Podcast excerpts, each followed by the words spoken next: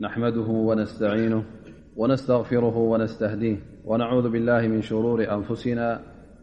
ومن سيئات أعمالنا من يهده الله فلا مضل له ومن يضلل فلا هدي له وأشهد أن لا إله إلا الله وحده لا شريك له وأشهد أن محمدا عبده ورسو ن وبعدركم أواسلام عليكم ورحمة الله وبركاتهالم درسناإنشاء اللهآيم أربعا أحدا سورة المائدة كنجمرنا يقول الله سبحانه وتعالى بعد أعوذ بالله من الشيطان الرجيم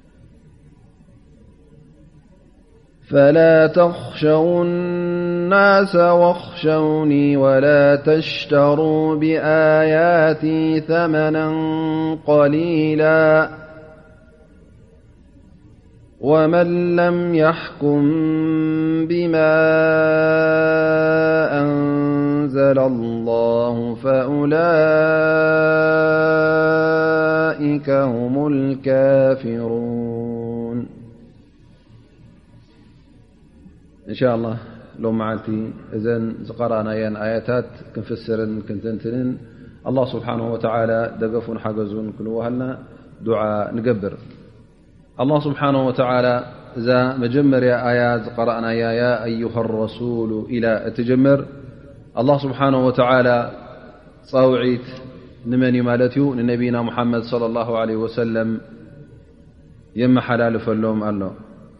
እዚ ፃውዒት እዚ እነቢይ صለ ላه ለ ወሰለም ኩሉ ግዜ እቲ መልእኽቲ ሒዞሞ ዝመፁ ተገዲሶም ናብ ኩሉ ሰብ ንክበፅሕ ኩሉ ድማ ክኣምነሉ ብጣዕሚ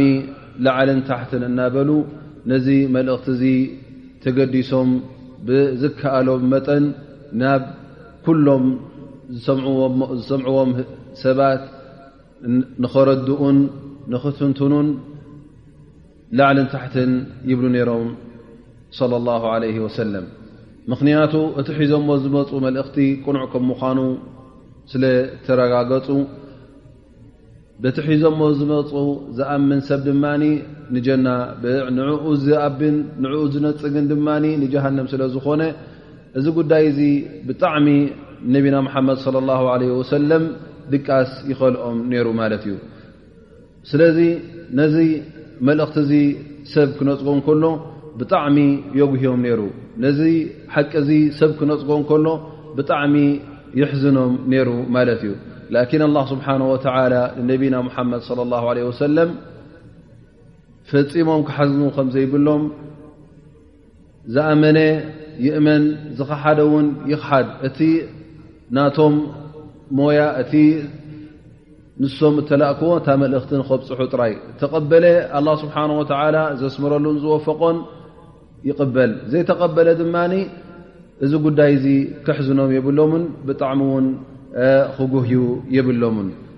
ላ ስብሓን ወተላ ውን ኣብ ካልኣያ ለዓለካ ባኪዑን ነፍሰካ ዓላ ኣታሪም ኢለም ይእምኑ ብሃذ ሓዲث ኣሰፋ ማለት ምናልባሽ ያ ረሱላ ላ ንስኻ ትሰብ ነቲ ሒዝካ ዝመፅእካ መልእኽቲ ብምኽሓድ ንስኻ ነብስኻ ኣይተወፅዓያ ነብስኻ ኣይተድክማ ነብስኻ ውን ኣይተህልቃ ብእቲ ንሶም ዝገብርዎ ዘለዎ ጌጋ ጌጋ ገይሮም እሶም እዮም ዝስከምዎ ንስኻ እታ ሒዝካ ዝመፅእካ መልእኽቲ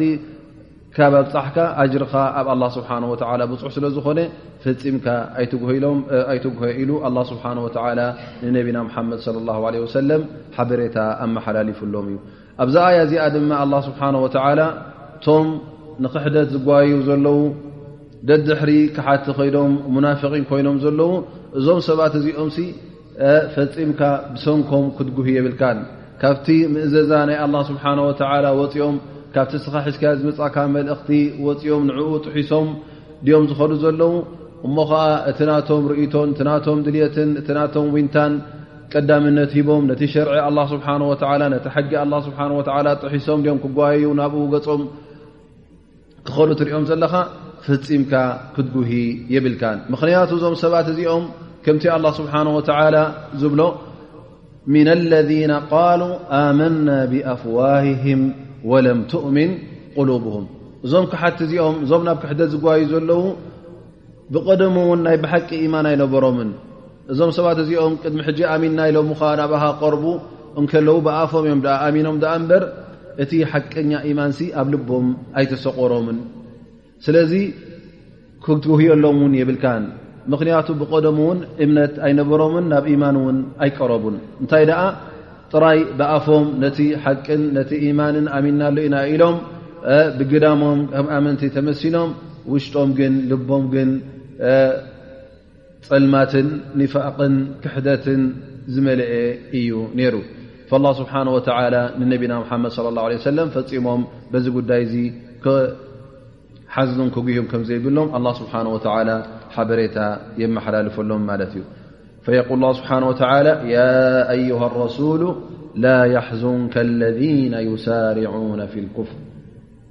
እዞም ሰባት እዚኦም ደድሕሪ ክሕደት እጓዩ ኣለዉ ማለት እዮም ናብኡ ገጾም ጥራይ ኣትኪሎም ይኸዱ ኣለዉ ምና ለذነ ቃሉ ኣመና ብኣፍዋህህም ወለም ትእምን ቁሉብም እዚ ድማ ተግባር ናይ መን ዩ ነይሩ ናይቶም ሙናፍቒን ናይቶም ብሓቂ ዘይኣመኑ ጥራይ ብግዳሞም ኣሚኖም ብውሽጦም ግን ኣብቲ ክሕደቶም ይቕፅሉ ዝነበሩ ሰባት እዮም ከምኦም ውን ወምና ለذነ ሃዱ ለذነ ሃዱ ከዓ ልክዕ ከምዚ ዓይነት ተግባር እውን ኣለዎም ማለት እዩ ለذነ ሃዱ ሶም ን ኩሉ ግዜ ፀላእቲ እስልምና ዝነበሩ እቶም ኣይሁዳውያን ማለት እዩ ልክዕ ቶም ሙናፍቒን ቶም ኣይሁዳውያንን ሓደ መርገፅ ከም ዝነበሮም ኣላ ስብሓን ወተላ ይሕብረና ኣሎ ማለት እዩ እዞም ሰባት እዚኦም ማ እንታይ ኣብ ዝገብሩ ነይሮም የቁል ላ ስብሓን ወተላ ሰማዑነ ልከذብ እቶም ሙናፍቒን ኮይኖም እቶም ኣይሁዳውያን እቶም መገዲ ሓቂ መሓዝ ኣብዮም ዘለዉ ንክሕደት ዝመረፁ እዞም ሰባት እዚኦም ሰማዑና ልከذቢ እዮም ሰማዑና ማለት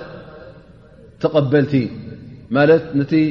ጌጋን ነቲ ኮንቱን ሰሚዖም ንሓሶት ሰሚዖም ኣብ ግብሪ ዘውዕልዎ ንዕኡ ጥራይ ዝቕበሉ ሓቂ ክሰምዑ ከለዉ ተቐባልነት የብሎምን እንታይ ደኣ ሓሶት እዮም ዝቕበሉ ኩሉ ግዜ ተንኮል እዮም ዝቕበሉ ክሕደት ጥራይ እዮም ዝቕበሉ ሰማዑና ልልከذብ ማለት ምስማዕ ጥራይ እታ እዝኒ ሓቂ ክትሰምዕ ትኽእል እያ ሓሶት ውን ትሰምዕ እያ ግን መን እዩ ዝቕበል ኣይና ኢኻ ትቕበል እሱ ዩ ዘሎ እቲ ፍልልይ ማለት እዩ እዚ ሓደ ትርጉማ ማለት እዩ ሕጂ ክንሰግድ ከልና እንታይ ንብል ሰሚዐ ላሁ ሊመን ሓሚዳ ማለት ኣላ ስብሓን ወተላ ጥራይ ተመስገንካዮ ዝሰምዕ ማለት ኣይኮነ እንታይ ኣ ምስማዕ ክልተ ዓይነት እዩ ምስማዕ ኣሎ ብዝንኻ ዝበፅሓካ ሰሚዕካዮ ማለት እዩ ግን ሰሚዕካ ትቕበሎ ክኸውን ከሎ ሕጂ እዚ እዩ ኣብዚ ኣላ ስብሓን ወተላ ሰማዑና ዝብሎም ዘሎ ተቐባልነት ኣለዎም ኩሉ ግዜ ንክሕደት ይቕበሉ ማለት እዩ ኩሉ ግዜ ወላ ኣብቲ ቋንቋ ትግርኛ ውን ክትዛረብ ከለካ ሕጂ እዚ ሰብ እዚ ኮ ተዛሪብካ ይሰምዕን እዩ ትብል ሃላ ይሰምዕን ማለት ፀማም ማለት እዩ ኣይኮነን እዩ ሰምዓካ ኣሎ እንታይ ከም ዝበልካ ግን ኣብ ግብሪ ኣየውዓሎን ነፍሲ ሸ ኣብዚ ቋንቋ ዓረብ እውን ሰማዑን ኣልከሊብ ክብለና ከሎ ነቲ ሓሶት ሰሚዖም ኣብ ግብሪ ዘውዕልዎ ማለት እዩ ንሓቂ ግን ኣይቅበልዎን እዮም ኣብ ግብሪ ኣይውዕልዎን እዮም ካልኣይ ትርጉም ድማ ኣለዋ ይብሉ ሰማዑና ልከذብ ና ሰማዑና ኣጅሊ ከذብ ትትርጎሙ ንብሉ ማለት እዞም ሰባት እዚኦም ያ ሙሓመድ ቶም ሙናፍቒን ሽምስልምና ሒዞም ናባኻ ክቐርቡ ከለዉ ካባኻ ውን ትቓል ክሰምዑ ከለዉ ነዚ ቓል እዚ ክሰምዕዎ ከለዉ ምንቲ ምንታይ እዮም ዝሰምዕዎ ምእንቲ ፅባሕ ንግሆ ካባኻ ሰሚዖም ዳሕራይ ካባኻ ምስ ከዱ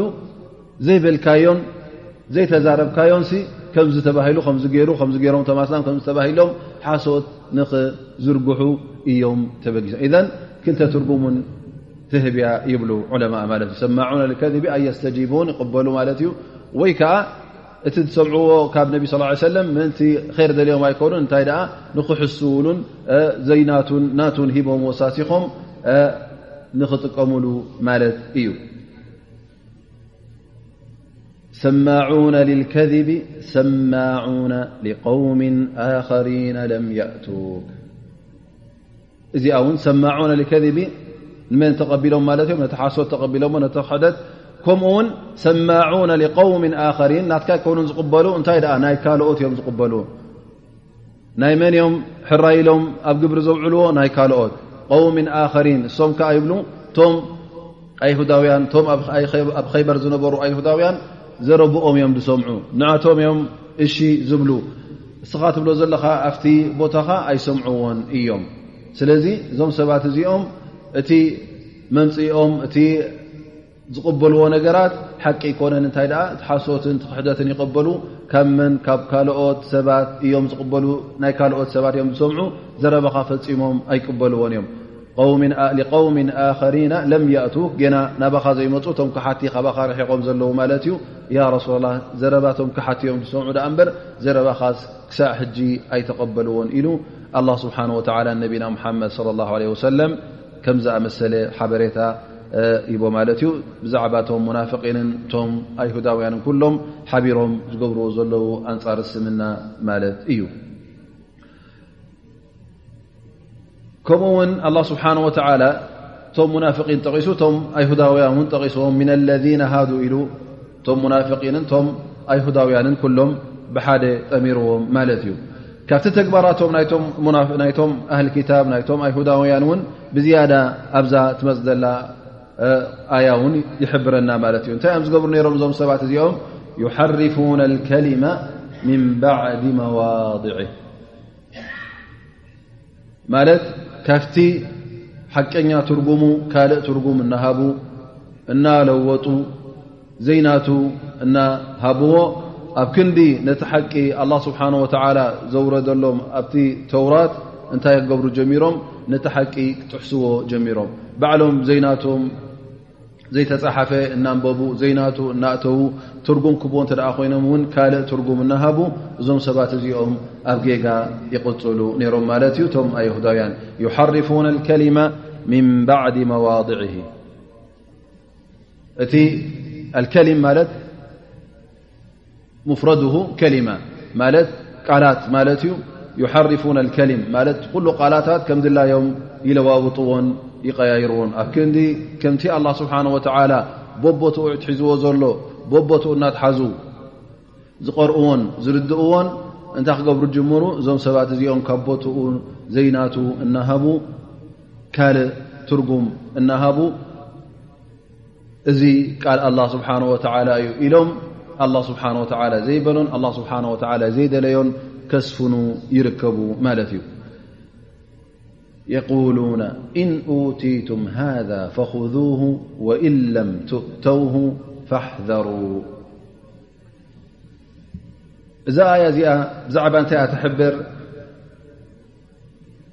ብሰንካ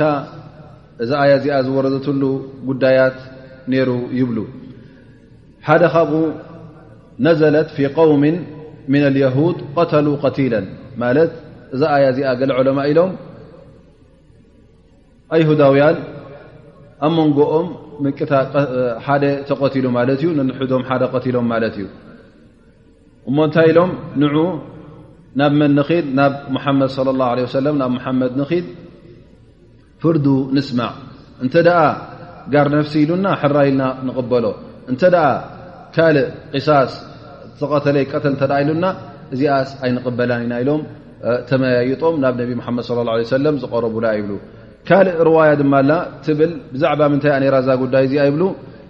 ብዛዕባ ክልተ ኣይሁዳውያን ማለት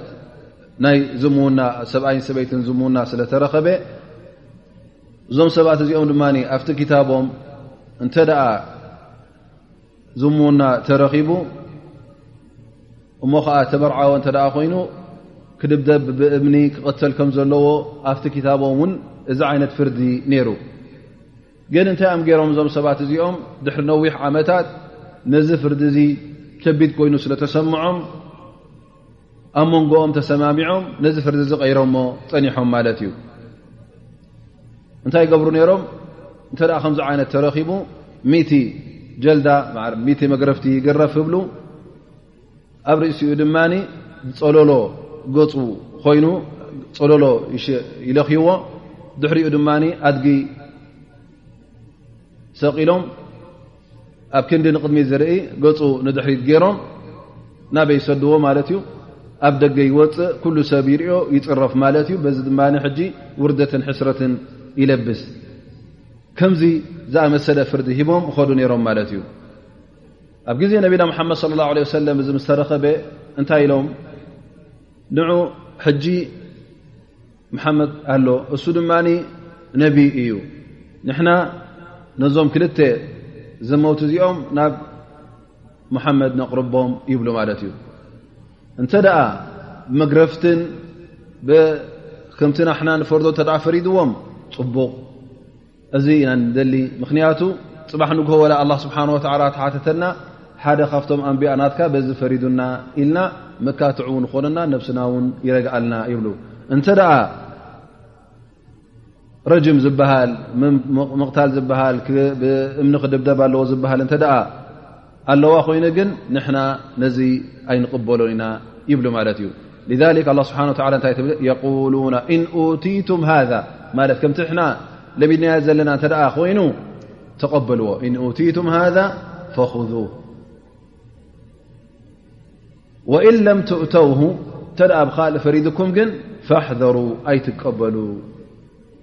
إلوم مالت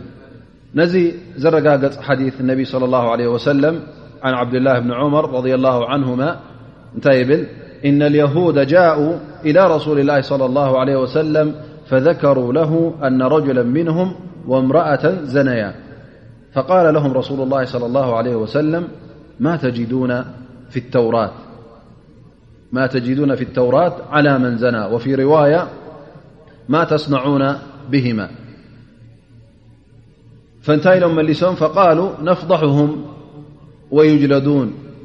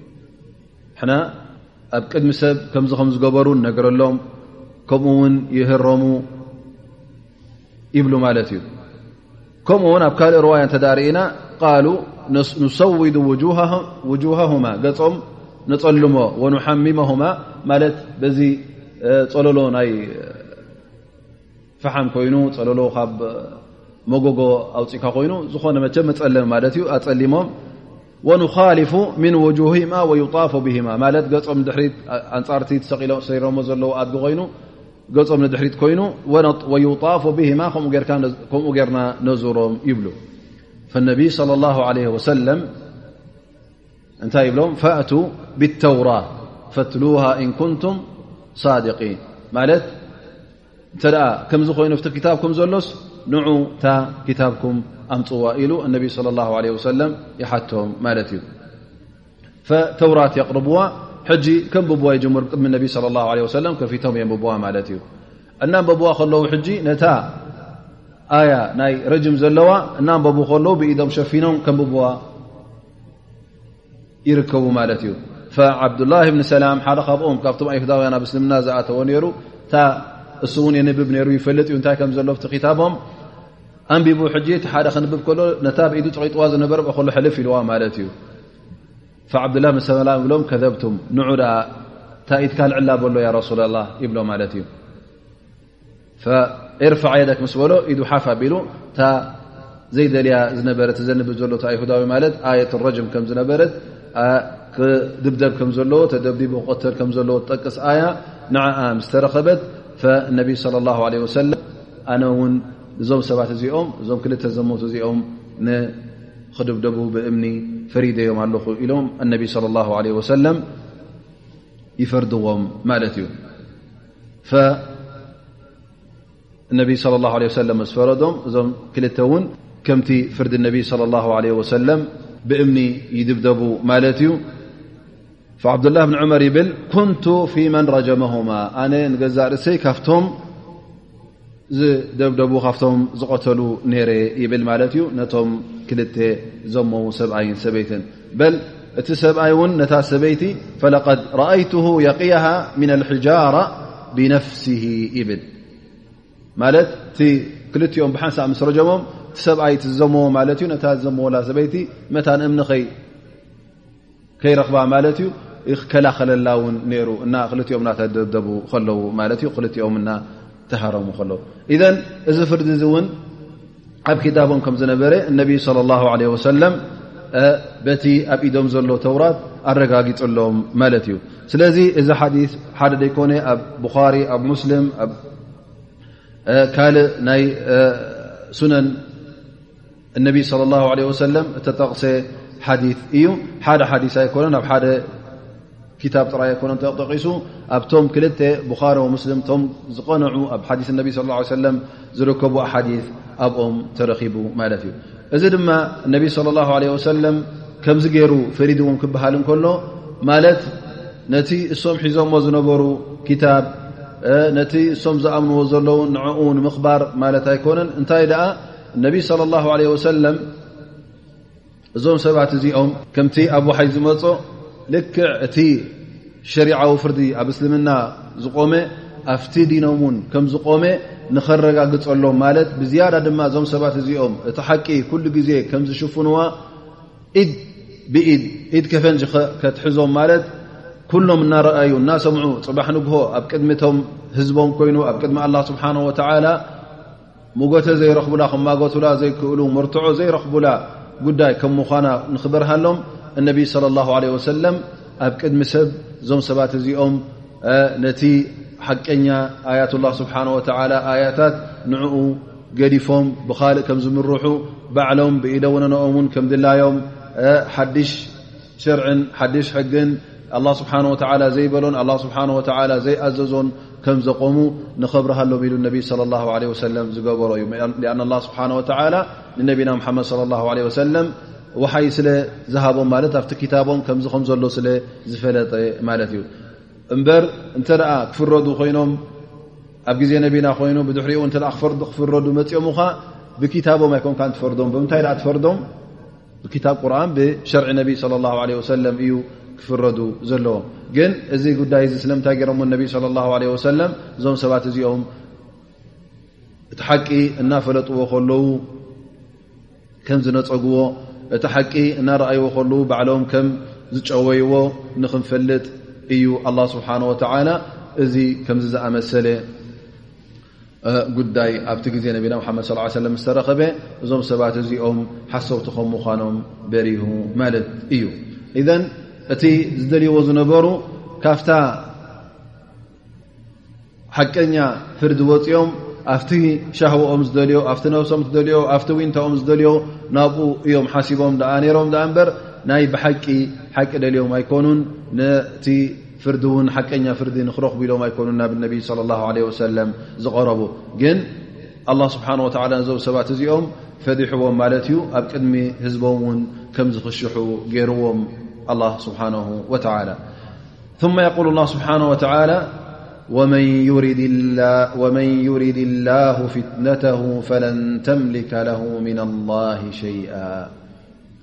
ኣላ ስብሓን ወተዓላ ዘጋገዮ ድማ ያ ሙሓመድ ንስኻ ንመገዲ ሓቂ ፈፂምካ ክትሕብሮ ኣይትኽእልን ኢኻ እነካ ላ ተህዲ መን ኣሕበብት ወላኪና ኣላ የህዲ መን የሻእ ስለዚ እቲ ግዜ ነቢና ሙሓመድ ለ ላ ለ ወሰለም እንታይ እዩ መገዲ ሓቂ ከብርህ ጥራይ ዘለዎ ንህዝቡ እውን ሓቂ እንታይ ከም ምዃና ክገልፀሎም ኣለዎ ግን ካብቲ ወዲቖሞ ዘለዉ ክሕደት ብሓይሊ ናብ ኢማን ከውፅኦም ኣይክእልን እዩ ኣላ ስብሓን ወተላ እንተ ሃዲዎም ኣላ ስብሓን ወተላ እንተ ኣስሚሩሎም ናብ ሓቂ ንክኸዱ እዞም ሰባት እዚኦም ዝኾነ ይኹን ሰብ ካብቲ መገዲ ሓቂ ከውፅኦም ኣይክእልን እዩ እንተ ደኣ ኣብ ጥፍኣት ድማ ኣላ ስብሓን ወተላ ጥፍኣት ኣ እተ ከቲብሎም በቲ ቀደርናቱ ድማ ቀዲሩሎም እዞም ሰባት እዚኦም ድማ ፈፂሙ ነቢና ምሓመድ ለ ላ ለ ወሰለም ይኹን ዝኾነ ይኹን ምሁር ሰብ ኮይኑ ኣብ ኢዱ ዝመልኮ ነገር የለን ፈለን ተምሊካ ለ ምና ላ ሸይኣ ፈፂምካ እቲ ኣንፃር ድልት ኣላ ስብሓን ወተላ ክትገብር ኣይትኽእልን ኢኻ ኢሉ ኣላ ስብሓን ወ ነቢና ሙሓመድ ለ ላ ለ ወሰለም ይሕብረሎ ማለት እዩ ثم يقول الله سبحانه وتعالى أولئك الذين لم يرد الله أن يطهر قلوبهم لهم في الدنيا خزي ولهم في الآخرة عذاب عظيم زم سبعة زئم الله سبحانه وتعالى فموا لبم ጸሊም ልቦም ጸለሎ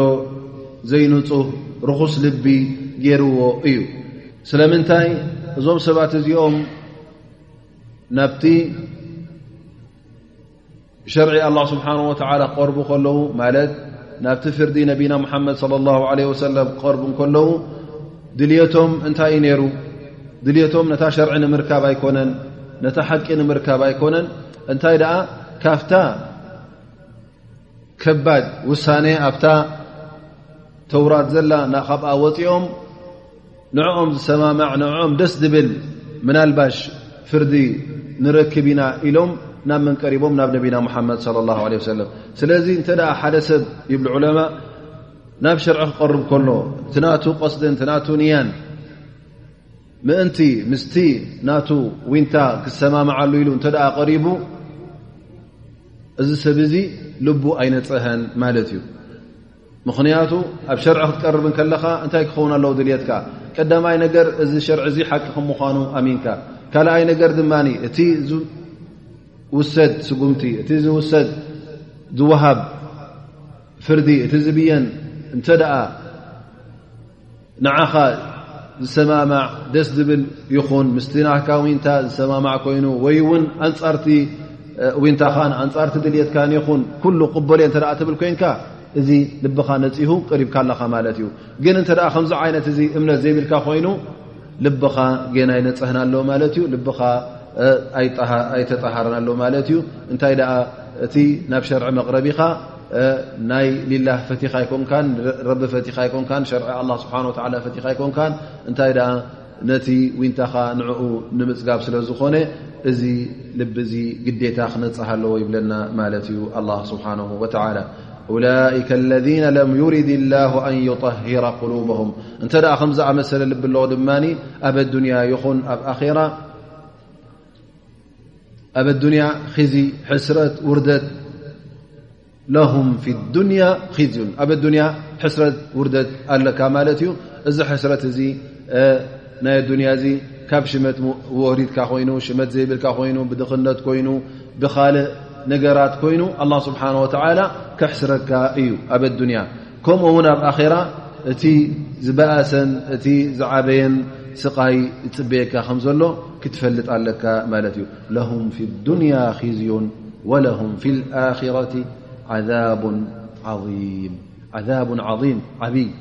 ፍፁም ዓብይ ዝኾነ ስቓይ ኣብ ኣራ እውን ይፅበዮም ኣሎ ማለት እዩ ኣላ ስብሓን ወተላ እንደገና እዞም ሰባት እዚኦም እውን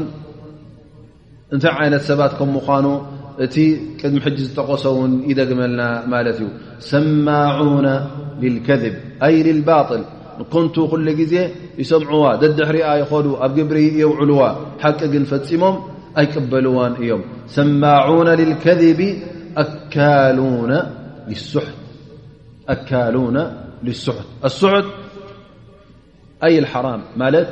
ስሑት ክበሃል ከሎ ኣካል ስሑት ማለት ሓራም ጥራይ ዝበልዕ ማለት እዩ ጉቦ ኮይኑ ሓረጣ ኮይኑ ዝኾነ ይኹን ሸሪዓዊ መገዲ ዘይብሉ ገንዘብ ንኸእቱ ዝፈቱ እዚ ሰብ እዚ ስሑት ይበልዓ ኣሎ ማለት እዩ ላ ስብሓን ወላ እዞም ሰባት እዚኦም እዞም ክሓቲ እዚኦም ገልፆም እንከሎ ቀዳማይ ነገር ሰማዑና ልልከዚቢ ካልኣይ ነገር ድማ ኣካሉና ልስሑት ኣካሉና እዚ እውን ሲቀት ሙባላቃ ማለት ክበልዑ እንከለዉ እውን ብሃረምረም ዝወስድዎ ማለት እዩ ጥራይ ተሓራም ሓደ ክልተ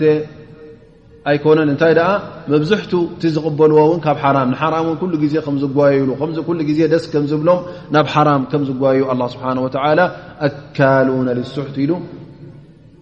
ይገልፀልና ኣሎ ማለት እዩ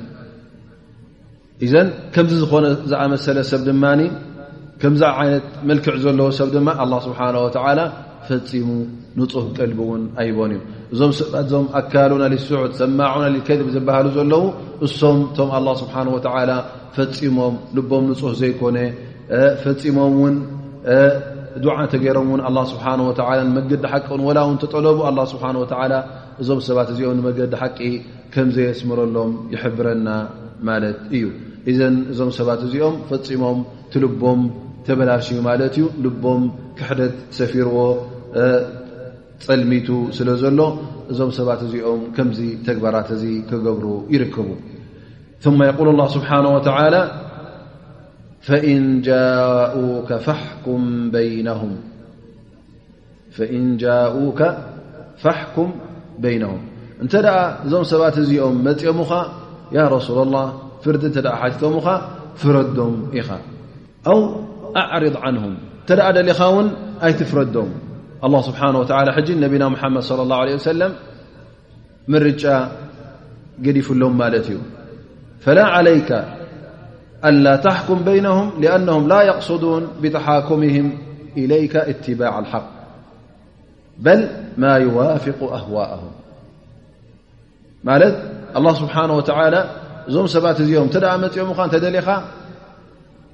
ፍረዶም ፍርዲ እተ ሓይቶምኻ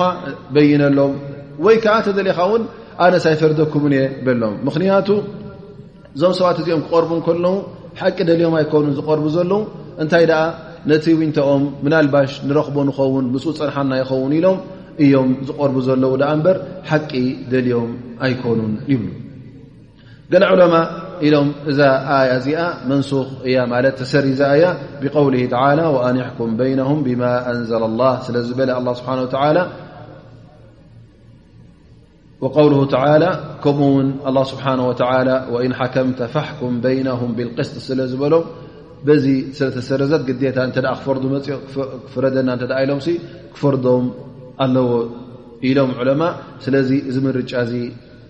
ተሪፉ እዩ ዝበሉ ኣለዉ ግን ገለ ዑለማ ኣይተረፈን እዚ ምርጫ እዚ ቀፃሊ እዩ መዓስ እዩ ዝኸውን ቀፃሊ ግን እንተ ከምዚ ዓይነት ሰባት ተረኺቦም ማለት እዩ ማለት ዝኾነ ይኹን ዓለም ዝኾነ ይኹን ፈራዳይ እንተ ሓደ ሰብ ናብኡ ፈትዋ ክሓትት ኮይኑ ወይ እውን ፍርድን ክሓትት ቀሪቡ እሞ ኸዓ እቲ ዘቕርቦ ዘሎ ጉዳይ ሓቂ ደልዩ ዘይኮነስ እንታይ ደኣ ነታ ንሱ ዝደልያ ነገር ንክረክብ ላዕልን ታሕትን ዝብል እንተ ኮይኑ ኣብዚ ሰዓት እዚ እቲ ፈትዋ ዝህብ ኮይኑ እቲ ፈራዳይ ኮይኑ እንተ ደልዩ ይፈርዶ እተ ደልዩ ውን እተ ከምዚ ዓይነት ዝሰብ ኮይኑ እውን እንተዘይፈረዶ ውን ፈትዋ እንተዘይሃቦ ውን ምንም ኣበር የብሉን ይብሉ ዑለማ ስለዚ ክያር ማለት ምርጫ ክሳዕ ሕጂ እውን ኣሎ ነቢና ሓመድ ص ه ለ ሰለ እቲ ምርጫ ውን ቀፃሊ እዩ ነይሩ ማለት ግን እንተ እዞም ሰባት እዚኦም ብሓቂ ነቲ ፍርዲ ደልዮም መፅኦም ንኦም እቲ ፍርዲ ምስ ዊንተኦም ይሰማማዕ ኣይሰማማዕ ክቕበልዎ ከም ምኳኖም እተ ትፈልጥ ኮንካ ኣብዚ ሰዓት እዚ ግዴታ ክትፈርዶም ኣለካ ግን እንተ እዞም ሰባት እዚኦም ናይ ብሓቂ ድልቶም ጥራይ ነቲ ተሻሸለ ነቲ ዝፈኾሰ ፍርዲ ንምርካብ ጥራይ እተ ኮይኖም ግን እዞም ሰባት እዚኦም ወላ ውን ግልፅ ተዘይበልካዮም ናትካ ጉዳይ ዩ ኢሉ ኣላ ስብሓን ወተላ ንነቢና ሓመድ ለ ላ ለ ወሰለም ዕድልን ፍርድን ውሳኔን ይህቦም ኣሎ ማለት እዩ እዚ ሓበሬታ እዚ ድማ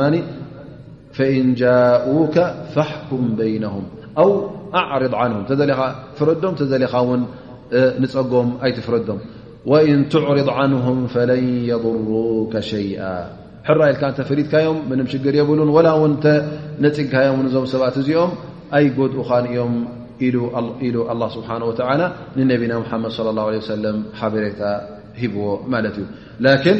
ግን እንተ ፈሪድካዮም ወእን ሓከምተ ፋሕኩም በይነሁም ብልቅስ እዞም ሰባት እዚኦም ወላ ውን ክሓቲ ይኹኑ ወላ ውን ፀላእትኻ ውን ይኹኑ እንተ ግን ንክትፈርዶም ቀሪብካ ኩሉ ግዜ ብትሕን ብሓቅን ክትፈርዶም ኣለካ እታ ሓቂ እታ ኣብ ክታብ ኣላ ስብሓን ወተላ ዘላ ክትገልፀሎም ኣለካ እታ ሓቂ ክትነግሮም ኣለካ ሓቂ ክተብፅሓሎም ኣለካ ስለምንታይ ኣላ ስብሓን ወተዓላ እቶም ሓቀኛታት እቶም ፍትሒ ዝፈርዱ ንሶም ንዕኦም ጥራይ ስለ ዝፈቱ ፈየቁል ላ ስብሓን ወተላ እና ላሃ ዩሕቡ ልሙቕስጢን ኣላ ስብሓን ወተላ ንመን እዩ ዝፈቱ ነቶም ኣህል ዓዳላ ማለት ፍትሐኛ ፍርዲ ዝፈርዱ እዞም ሰባት እዚኦም እዩ ኣላ ስብሓን ወተላ ዝፈትዎም ኣላ ስብሓን ወተላ እንተ ፈትዩካ ድማ ካብኡ ዝለዓለ ሽሻይ ካብኡ ዝለዓለ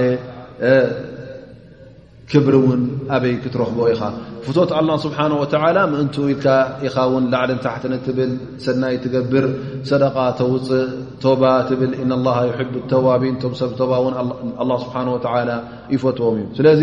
ኣላ ስብሓን ወተላ ዝፈተዎ ሰብ እውን ኣብ ኣዱንያ ፍቱው ይኸውን ንገዛእ ርእሱ ሰብ ይፈትዎ ከምኡ ውን እቶም መላካ ይፈትዎ ኣብ ዮም ያማ ድማ ዝበለፀ ደረጃን ዝበለዘ ብልጫን ረኪቡ ዝሓሽን ዝዓበየ መዓርግን ኣብ ጀና ይረክብ ማለት እዩ ስለዚ እቲ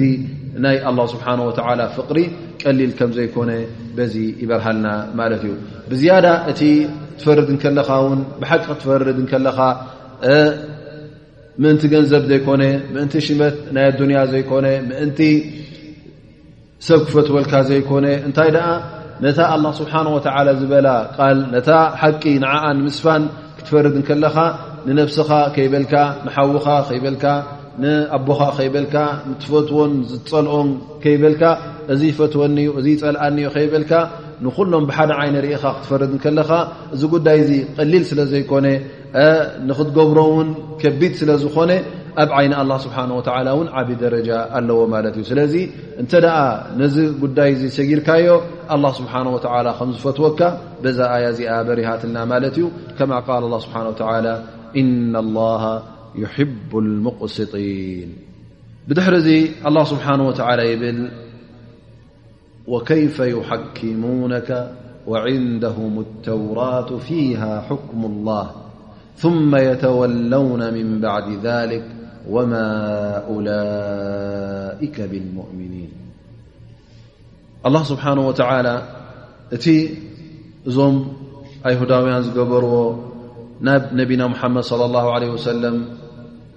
ዝቐረቡ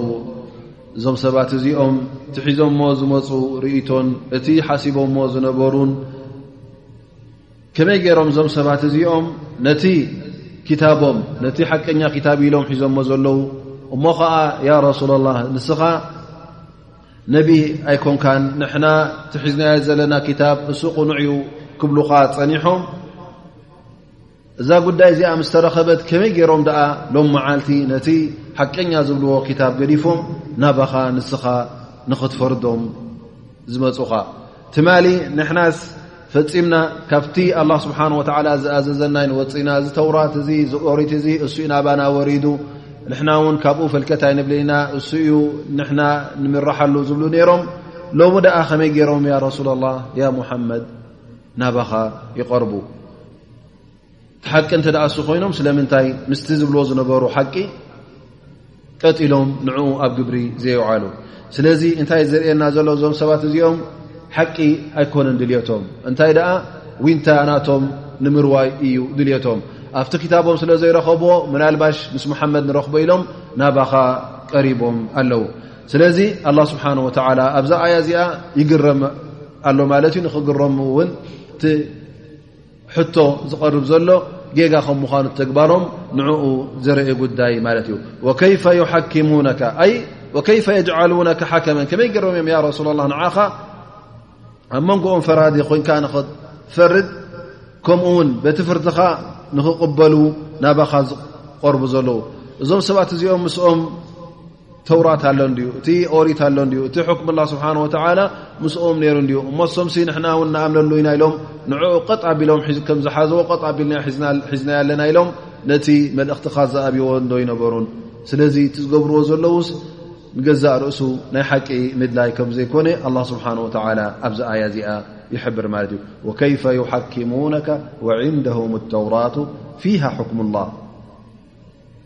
ሕክሙ ላ ስብሓን ወላ ፍርዲ ኣላ ስብሓን ወላ ሳብኣስ ረኪቦሞ ነይሮም እንዲኦም ስለምንታይ እዮም ደኣ ሕጂ ናባኻ ዝቐርቡ ዘለዉ ثመ የተወለውና ምን ባዕድ ሊክ ድሕሪኦ እውን ኣብ ተውራት ዘሎ ይተቐበሉ ንዓኻ እውን ኣይተቐበሉን ማለት እዩ ወማ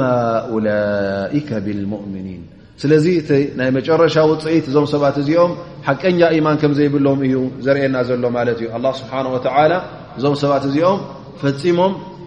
ሓቀኛ ኢማን ከም ዘይብሎም ብክታቦም ይኹን ብነቢና ሙሓመድ صለ ላሁ ለ ወሰለም ናይ ብሓቂ ኢማን ከም ዘይብሎም ብዝያዳ የብርሃልና ማለት እዩ ስለዚ እዞም ሰባት እዚኦም ፈፂሞም ካብ እምነት ኣይተበገሱን ፈፂሞም ውን እምነት የብሎምን ኢሉ ኣላ ስብሓን ወተላ ይሕብረና ማለት እዩ እምበር እቲ ናብኦም ዝወረደ ብቐንዱ እቲ ክታብ ካብ ኣላ ስብሓን ወላ እዩ ወሪዱ ነይሩ ማለት ተውራት እቲ ኦሪት ኣላ ስብሓን ወተላ ናብ ሰይድና ሙሳ ከውርዶ እንከሎ ብሓቂ እዩ ኣውሪድዎ ነይሩ እዚ ክታብ እዚ እውን ቅኑዕ ክታብ ከም ዝነበረ ኣላ ስብሓን ወተላ ብዛዕባ ተውራት ናብ ሙሳ ዘውረዳ ከምዚ ኢሉ ይጠቕሳ ማለት እዩ ፈየቁል ላ ስብሓን ወተላ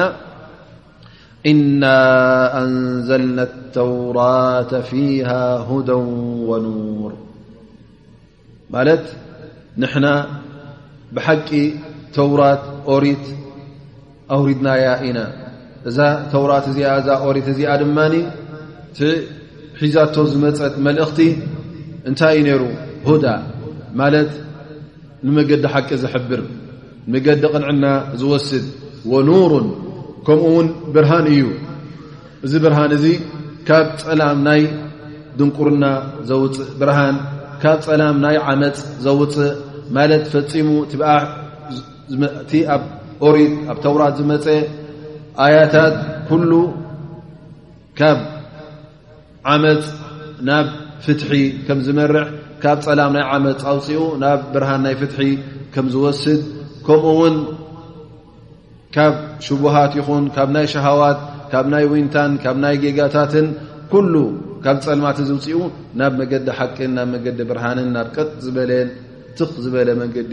ዝወስድ እዩ ነይሩ ማለት እዩ ስለዚ እታ ተውራት ሒዛቶ ዝመፀት መልእኽቲ ናብ ነብላ ሙሳ ክትወርድ ከላ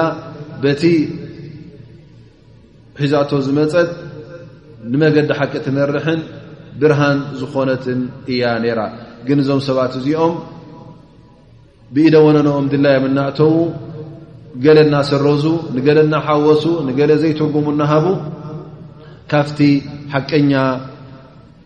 መስርዓ ኣውፅኦም እንታይ ገይሮማ ማለት እዩ ከም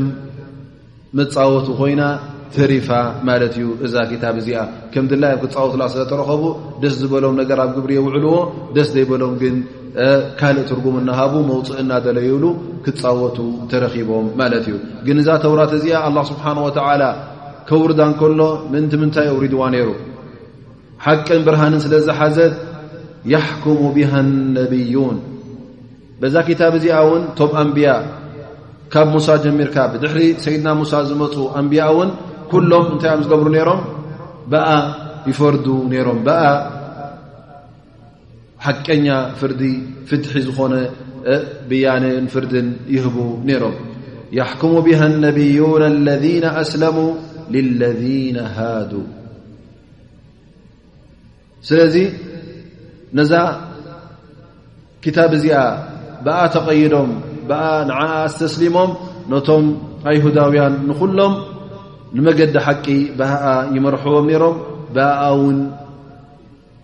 ይፈርድዎም ነይሮም እቶም ኣንብያ ጥራይ እውን ኣይኮኑን እንታይ ደኣ ብድሕሪ እቶም ኣንብያ እቶም ዑለማ ረባንዩና ኣሕባር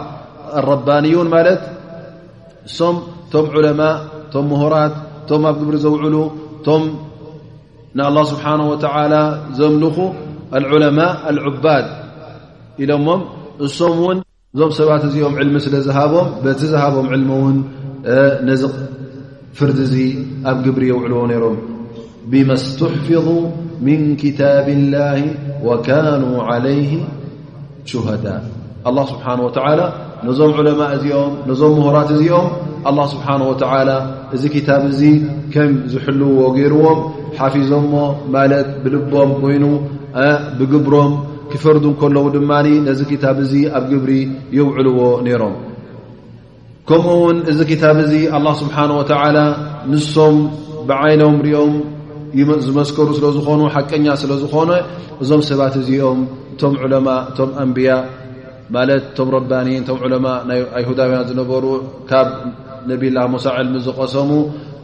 በዚ ክታብ እዚ ቀጥ ኣቢሎም ይኸዱ ነይሮም ግን ዓመታት ምስ ነውሐ ግዜ ምስ ነውሐ እዞም ሰባት እዚኦም እንታይ ክገብሩ ተረኺቦም ነቲ ኣላ ስብሓን ወተዓላ ዘውረዶ ገዲፎም ብኢደወነንኦም ዘእተውዎ ፍርዲ ብኡ ክፈርዱ ተረኺቦም ሊዛሊክ ኣላ ስብሓን ወተዓላ ነዚ ኣያ እዚኣ እንታይ ዝብል ሓበሬታ ይገብረልና ፈላ ተኽሸው ናሰ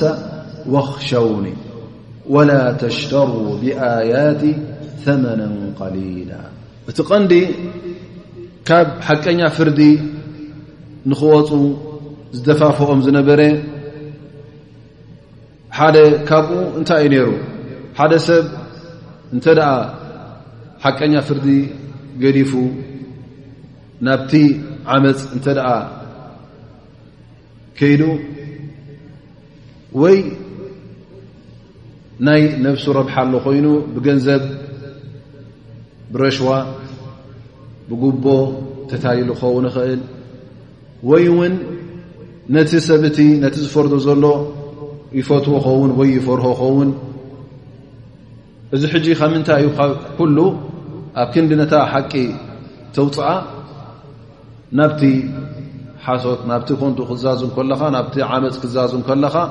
ካብዚ ዝተበገሰ ስለ ዝኾነ ኣላ ስብሓን ወተላ እንታይ ይብል ፈላ ተኽሸው ናሰ ወኽሸውን ፈፂምኩም ካብ ሰብ ክትፈርሁ የብልኩምን ሰብ ፈሪህኩም ነታ ሓቂ ኣይትሸፍንዋ ሰፈሪኹም መገዲ ሓቂ ኣይትግደፉ ሰፈሪኹም ዘይከውን ፍርዲ ኣይትፍረዱ ፈላ ተኽሸው ናስ ንመን ኢኻ ክትፈርህ ዘለካ ንኣላ ስብሓን ወተላ ወኽሸውን እዘን ተቐዳማይ ነጥቢ ምስ ምንታይ ተኣሳሲሩ ኣሎ ማለት እዩ? ምስ ኣላ ስብሓን ወተላ ናይ እክላስ ናይ ኢማን ነገር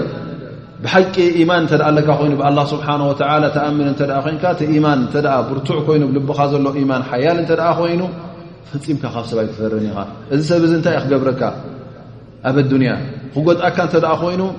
ዝዓበየት ጉድኣት ክወርደልካ እተ ኮይኑ ክቐትለካ እዩ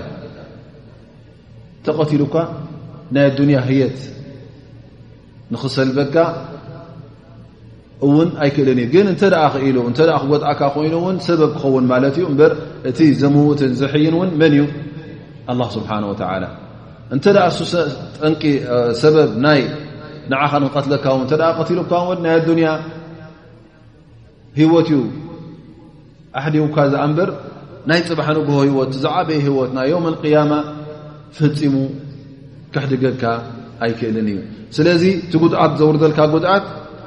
ናይ ኣዱንያ ጉድኣት ዳኣ እንበር ናይ ኣኼራ ጉድኣት እውን ኣይክኸውን እዩ ስለዚ እቲ ኣብ ኢዱ ጥቕምን ጉድኣትን ዘሎ ብዝያዳ መን እዩ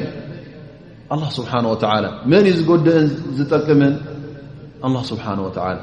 ዝኾነ ይኹን ሰብ ጠቕሙካ ክጠቕመካ ጎድኣካ እንተ ኮይኑ እውን ኣንፃር ኣላ ስብሓን ወተላ እተ ኮይኑ ትድልየቱ ፈፂሙ ውን ክጎድኣካ ኣይክእልን እዩ ከምቲ ነቢና ሓመድ صለ ላه ለ ሰለም ዝበልዎ ህዝቢ ዓለም ኩሉ ተኣኪቡ እንተ ክጎድኣካ ዘልዩ ኣላ ስብሓን ወተላ ነዚ ነገር እዚ እተ ኮን ዘይበሎ ጎድእኻ ክእሉ ፈፂሙ ህዝቢ ዓለም ኩሉ እውን ክጠቕመካ እንተ ደልዩ ሓሚምካ እንተ ኩሎም ደካትራ ተኣኪቦም ኩሎም ሃፍታማት ተኣኪቦም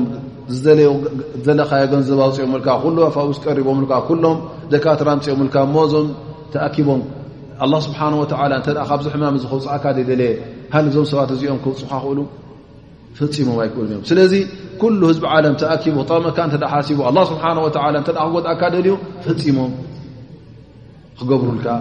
ክጎድኡኻ ኣይክእሉን እዮም ክጠቕሙካ ደልዮም ፈፂሞም ክጠቕሙካ ኣይክእሉን እዮም ስለዚ እቲ ቐንዲ ጠቓምን ጎዳእን ኣላ ስብሓን ወላ ስለዝኾነ ከምዚ ዝኣመሰለ ኢማን እውን እተ ኣብ ልበኻ ኣሉ ኮይኑ ፈፂሙ ዝኾነ ይኹን ሰብ ቀዳምነት ኣይህቦን እየ ፈፂመ ንኣላ ስብሓን ወላ ጥራየ ዝህብ ዝፈርሆ ሰብ የብለይ ንኣላ ስብሓን ወላ የ ዝፈርህ እዛ ጉዳይ እዚኣ ንመን እያ ተረዲ ንኣላ ስብሓን ወላ ተረዲ እንተ ኮይና ኣነ ንኣላ ስለ ዝፈርህ ንኣላ ስብሓን ወላ ከርድዮ እየ ንመን እያ ተቆጥዕ ንኣላ ስብሓን ወላ ተቆጥዑ ኮይና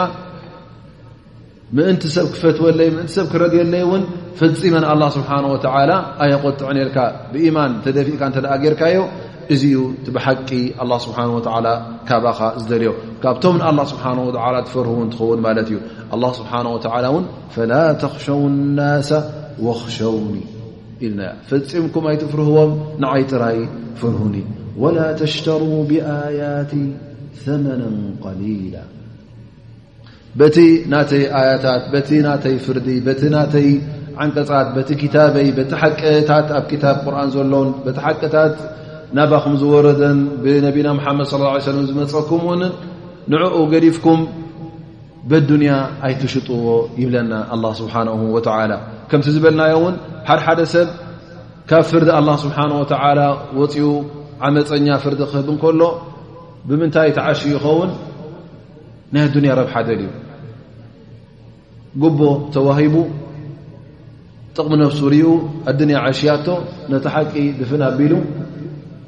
ዘይከውን ፍርዲ ይህብ ማለት እዩ እዚ ፍርዲ እዚ ኣኽዋና ምናልባሽ እቲ ቐንዲ ናበይ ኸይድ ማለት እዩ ፈራዳይ ኮይኑ ቤት ፅሕፈት ዝሓዘ ወይ ከዓ ፈራዲ ወይከዓ ናይ ዓዲ ኮይኑ ፈራዳይ ኮይኑ ወይ ውን ንጉስ ናይ ዓዲ ኮይኑ መራሒ ናይ ዓዲ ኮይኑ ናብኡ ጥራይ ምናልባሽ ከይትኸውን ኣቃልቦና ግን ኩሉ ግዜ እውን ንሕና ውን ንፈርዶ ጉዳያት ኣሎ ማለት እዩ ኣብ ገዛና ኮይኑ ኣብ ነነድሕድና ኮይኑ ኣብ ዝሓዝናዮ ስራሕ ኮይኑ ኣብ ቤት ፅሕፈት ኮይኑ ኣብ ብዙሕ ነገራት እውን ንስኻ ከም ፈራዳይ ኣይቀረብካን ግን ናይ ፍርዲ ስራሕ ውን ትሰርሕ ትኸውን ማለት እዩ እዚ ሓቂ ጌጋ ናበልካ ንሓደ ትዕምፅ ንሓደ እተ ዘይትዕምፅ ኮንካ ደቅካ ኣለዉ ሕጂ ንኣብነት እተ ንኩሎም ብሓደ ዓይነ ዘይትሪኦም ኮንካ እዚ እውን ንገዛ ርእሱ ዓመፅ እዩ ኣ ነቢ ለ ላ ለ ወሰለም ኣንዕማን እብኒ በሺር ኣቦኡ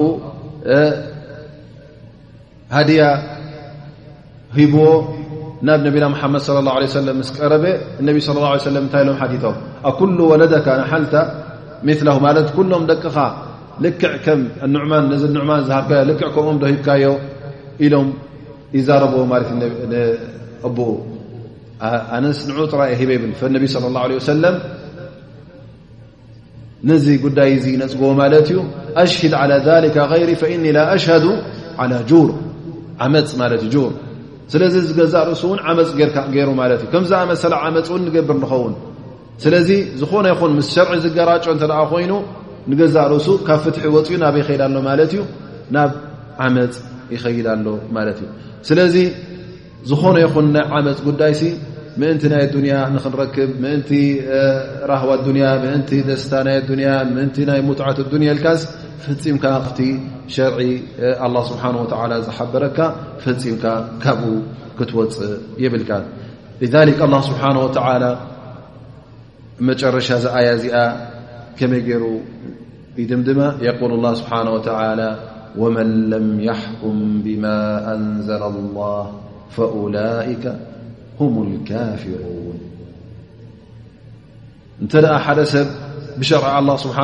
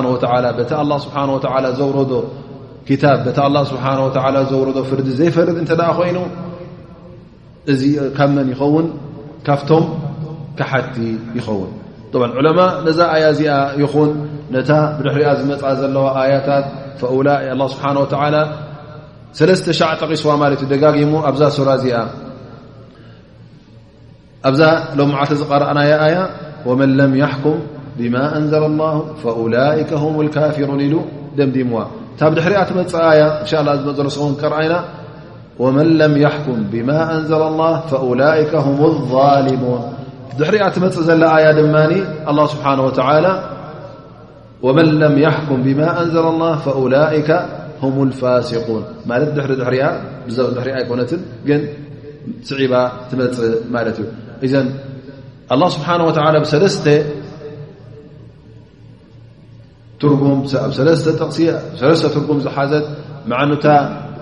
ኣያ ሓንቲ ዓይነት እያ ግን ኣላ ስብሓን ወተላ እንታይ ዘርእየና ዘሎ እቲ ሓደ ሰብ በቲ ኣላ ስብሓን ወተላ ዘይበሎ ክፈረድ እንከሎ ካብዚ ሰለስተ እዚ ሓዲኡ ክኸውን ማለት እዩ ወይ ክሕደት ሙሉእ ክሕደት ክኸሕድ ይኽእል እዩ ወይ ክፍር ዱና ክፍር ክኸውን ይኽእል እዩ ወይ ከዓ ፊስቕ ክኸውን ይኽእል ወይ ፊስቕ ዱና ፊስቕ ክኸውን ይኽእል እዩ ወይ ከዓ ظሉም ክኸውን ወይ ከዓ ظልሙን ዱና ظሉም ክኸውን ይኽእል እዩ ስለዚ ብዛዕባ እዚ ዑለማ ብዙሕ ጠቒሶም ማለት እዩ ግን ንኣብነት እቲ ዝኸፍአ ዝዓበየ እንተ ሓደ ሰብ ኢዛ ኣዕተቐዳ ይብሉ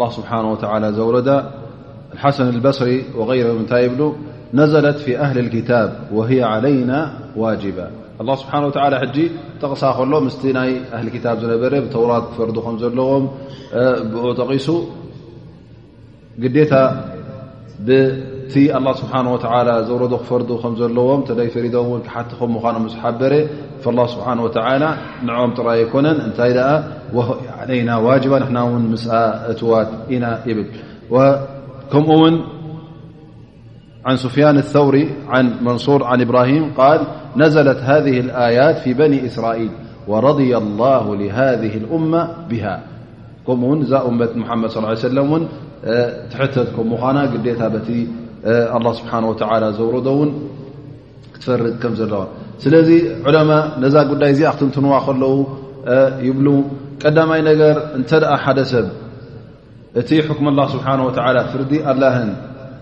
እቲ ብሰብ ዝተሰክዐ ፍርድን እንተ ደኣ ክልትኡ ሓደ እዩ ዝብል እንተ ደኣ ኮይኑ ክልትኦም ናይ ኣላ ስብሓ ተላ ፍርድን ናይ ሰብ ዝሰክዖ ሕግታት ክልትኡ ሓደ እንተ ደኣ ዝብል ኮይኑ እዚ ሰብ እዚ እንታይ ይኸውን እዛ ዕተቀት ዛሊክ በዚ ዝኣምን እንተ ኮይኑ ሃይ ኣኽዋና ሃذ ኩፍር ሙኽርጅ ምና ልሚላ እዚ እውን ክሕደት ማለት እዩ ሙሉእ ክሕደት እዚ ቀዳማይ ይ እዚ ሙሳዊ ወይ ዛ ካን እተ ፍርዲ ናይ ደቂ ሰብ ሕጊታት ዝሰክዕዎ ደቂ ሰብ ካብ ናይ ኣላ ስብሓን ወላ ይበልፅ ኢ እ ኮይኑ ድማ ብዝያዳ እዚ እውን ክሕደት ማለት እዩ እዚ ክልተ ይ ሳልሳይ ይ ዩእምን ይዕተቐድ እኖ እዚ ኣላ ስብሓን ወተዓላ ዘውረዶ ክታብ ፍርዲ ፍርዲ እውን ሓቂ ከም ምዃኑ ኣላ ስብሓን ወተዓላ እውን ክንፈርደሉ ከም ዝኣዝዘልና ይኣምን ግን ይብለካ ኣብዚ ግዜ ግና እዚ ኣይከውንን እዩ እንተደኣ ኢሉኸ ኣይጠቅምን እዩ እዚ ግዜና ሃዛ በርዱ ክፉር ማለት እዩ ግን እንተ እብል ኣነ ኦእሚን እዚ ክታብ እዚ እዚ ቁርን እዚ ሓቂ ከም ምዃኑ እቲ ኣላ ስብሓን ወተላ ዝሰክዖ ፍርዲ እውን እሱ ዩ ትቕኑዕ ኢሉ ይኣምን ግን ሓደ ሰብ ረሽዋ ስለ ዝሃቦ ጉቦ ስለ ዝሃቦ ካብቲ ኣላ ስብሓን ወተላ ዝበሎ ገዲፉ ካልእ ብካልእ ተፈረዶኸ እዚ ሕጂ ክሕደት ኣይኮነን እንታይ ደኣ ዙሉም ማለት እዩ እዚ ካብቶም ዛልሚን ዓመፅ ይኸውን ማለት እዩ ስለዚ እቲ ጉዳይ ብከምዚ ገርና ብሰፊሑ ብዓብ ኣረኣያ ክንሪኦ ከለና መዓስ ዩ እቲ ክሕደት ዘውፅእካ ካብ ሸርዒ ካብ ድያን እስላም ብምሉእ ዘውፅእካን መዓስ ዩ ከዓ ካብቶም ዓመፀኛታት ዝገብረካን በዚ ይበርሃና ማለት እዩ ናይ ሎም መዓት ደርስና በዚ ድምደም እንሻ ላ ዝመደሩ ድማ ምስተን ካልኦት ኣያታት ብዝያዳ ነዛ ጉዳይ እዚኣ እውን እንሻ ላ እናብራህናያ ንኸይድ ናይ ሎምዓ ደርሲ በዚ ልምደም እንሻ ላ ከምቲ ልምድና ድማ ዝሓዝናዮ ነጥብታት ፋይዳታት ኣሎ እተ ኮይኑ ዕድል ንኸፍት እንሻ ላ ጠ እቲ ፃውዒት ኒዳ ነቢ ለ ላ ለ ሰለም መጀመርያ ኣያ ዝጠቐስናዮ ኣላ ስብሓን ወተላ ነቢና ሓመድ ለ ሰለም ፀውዖም እቲ ዝግበር ዘሎ ጌጋታት ናይ ካሓቲ ፈፂሙ ከጉህዮ ከም ዘይብሉ ሓቢሩ ኣብቲ መዳይ ቃልሱ ንክቕፅል ዳዕውኡ ንክቕፅል ኣላ ስብሓን ወተላ ይሕብረ ኣሎ ማለት እዩ ስለዚ እቲ ጥፍኣት ናይ ጥፉኣት ምንም ቅጭጭ ንኸይብሎ እዚ ጉዳይ እዚ እውን ንዕኡ ካብቲ ሒዝዎ ዘሎ መንገዲ እውን የማን ፀጋም ከብሎ ከም ዘይክእልን ንዕኡ እውን ከጉህዮ ከም ዘይብሉን ኣላ ስብሓን ወተላ ሓቢሩና ማለት እዩ